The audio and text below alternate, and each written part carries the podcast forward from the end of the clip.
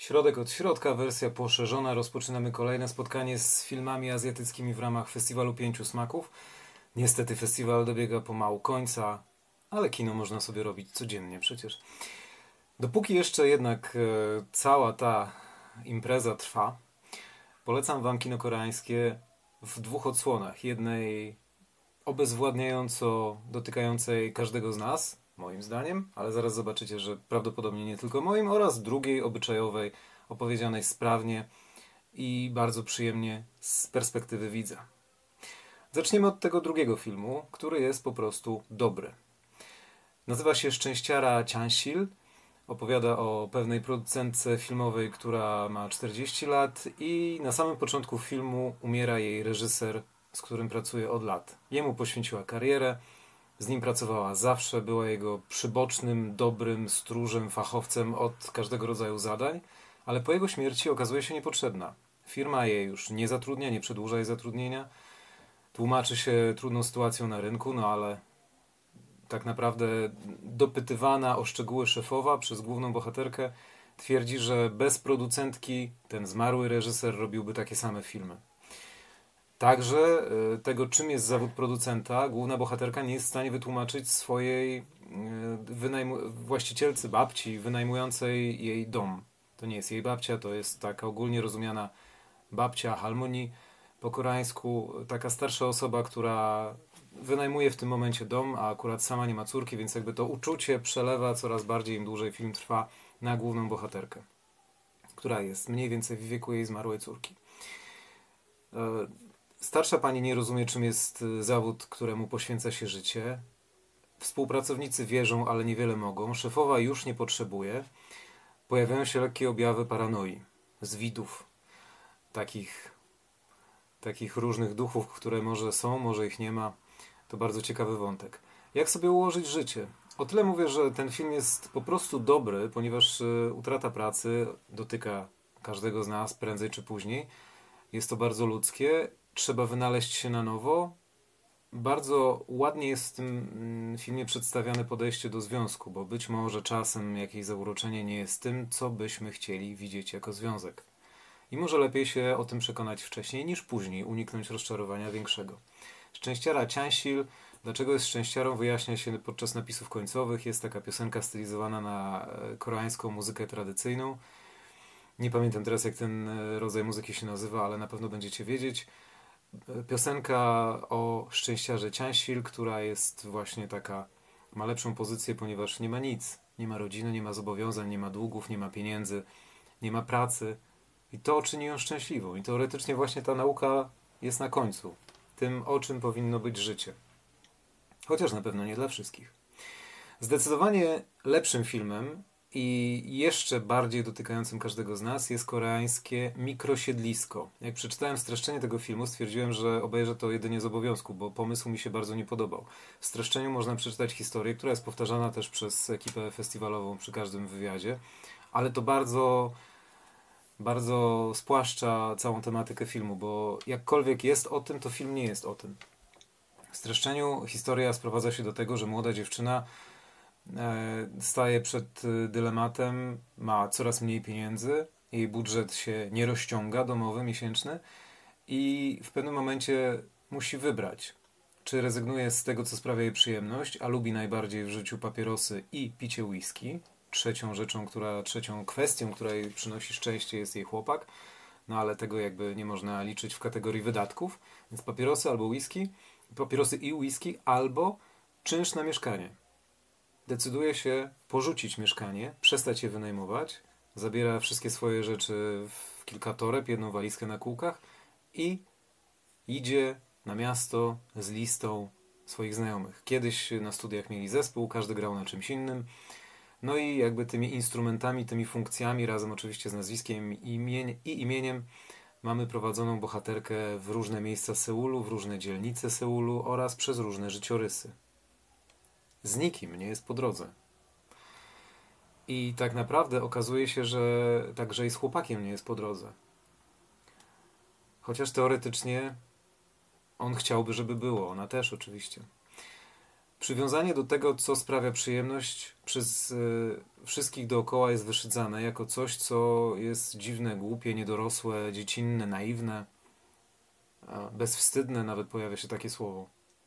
Podczas gdy to po prostu bohaterce sprawia przyjemność. Dlatego na samym początku, jak przeczytałem streszczenie, wydawało mi się, że to jest y, za bardzo spłycanie tematu i taki, taki dosyć brzydki pomysł, że oto mamy bohaterkę, która woli pić i palić, czyli teoretycznie no, nie promować zdrowego trybu, trybu życia. I to nie chodzi o to, że tylko zdrowe ma być w porządku, no ale jakby no, to, to niszczenie organizmu jest y, nadrzędną wartością. Może trochę, może inaczej. Film nie straciłby, gdyby główną przyjemnością bohaterki była jakaś wyszukana potrawa, która byłaby droga, ekskluzywna, ale bez której jej życie nie miałoby aż takiego sensu jak z nią. Może gdyby jadła jakieś nie wiem co, ostrygi w bardzo w na przykład. Nie wiem, zmyślam, ale po prostu coś drogiego, ekskluzywnego, żeby nie kojarzyło się tak jednoznacznie z nałogiem. O to mi chodzi. Żeby nie kojarzyło się jednoznacznie z wyniszczaniem organizmu. Ona jest chora, bierze leki, więc jakby to też nie wiemy, co jej dolega. Wiemy, że objawem jest siwienie postępujące. E, I, i bez tych leków osiwieje.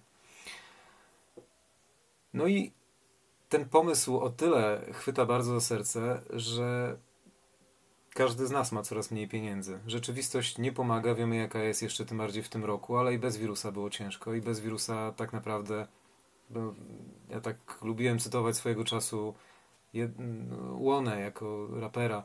Jedyny widok to brak perspektyw.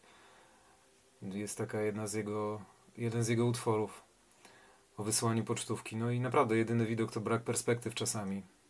Jedną z największych bójd na resorach, jakie wpojono naszemu pokoleniu, jest to, że wystarczy mocno chcieć i że można być panem własnego losu.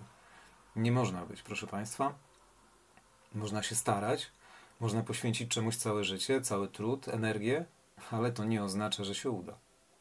Oczywiście droga jest czasem ważniejsza od celu, i droga sprawia czasem większą przyjemność niż osiągnięcie samego celu i zamknięcie go sobie gdzieś w pudełku, na półce, postawienie w ramce, oprawienie jako dyplom, albo codzienne chodzenie do pracy już tej wymarzonej, jedynej, która się naprawdę powiedzie. Czasem droga jest naprawdę ciekawsza, ale, ale to nie jest tak, jak uczą trenerzy, coachowie, psychologowie, że wystarczy mocno chcieć. Nawet nie wystarczy być dobrym nawet nie wystarczy być pozytywnym. Życie jest po prostu nie fair. I ta nauka, ta, ten ładunek jest zawarty w filmie, bo on niczego nie uczy. Ten ładunek jest obecny w filmie, ja się pod koniec popłakałem. I życzę Wam tego, bo film jest naprawdę. On nie jest wybitny, on jest po prostu bardzo celny w tym, co opisuje. Nazywa się Mikrosiedlisko. Jest w sekcji Parasites, tak samo jak ten pierwszy, Szczęściara Ciansil. W sekcji Parasites, no i, i tutaj znowu ukłon stronę kina koreańskiego, Pong Joon-ho zdobył Oscara za Parasite, więc stworzono liczbę mnogo z tych pasożytów, zapominając cały czas podczas oceny kina, które traktuje o, o problemach społecznych w Korei, że to nie chodzi o to, kto jest na kim pasożytem. To chodzi o to, że pasożytem jest w nas nadzieja. I o tym mówił sam reżyser Pong Joon-ho, tylko nikt tego chyba nie czyta. Ale ta wypowiedź jest do znalezienia i on to powtarzał wielokrotnie. Tym bardziej, że odpowiedź na to, co jest pasożytem, nie kto, tylko co, jest zawarta w filmie. Przed końcem Parasite, przed zakończeniem Parasite jest ta ostatnia nadzieja, że kiedy syn, który ledwo co przecież uchodzi z życiem, powinien nie żyć już swobodnie po uderzeniu tak ciężką rzeczą w głowę, tym kamieniem, który miał przynosić szczęście, on wie, że nie spotka się z ojcem. Ale, I wie, że nie będzie miał lepszej pracy. Ale nadzieja nie pozwala mu w ten sposób myśleć. I on sobie robi taką projekcję, że zarobi, wykupi dług, wypuści ojca i będą mogli żyć razem. I to jest prawdziwy pasożyt. I w mikrosiedlisku też taki pasożyt jest. Nie ma potrzeby mnożyć go do liczby mnogiej. To nie jest potrzebne. Pasożytem jest tylko to, co napędza nas do działania. Takie nasze wewnętrzne perpetuum mobile, które nazywa się nadzieja.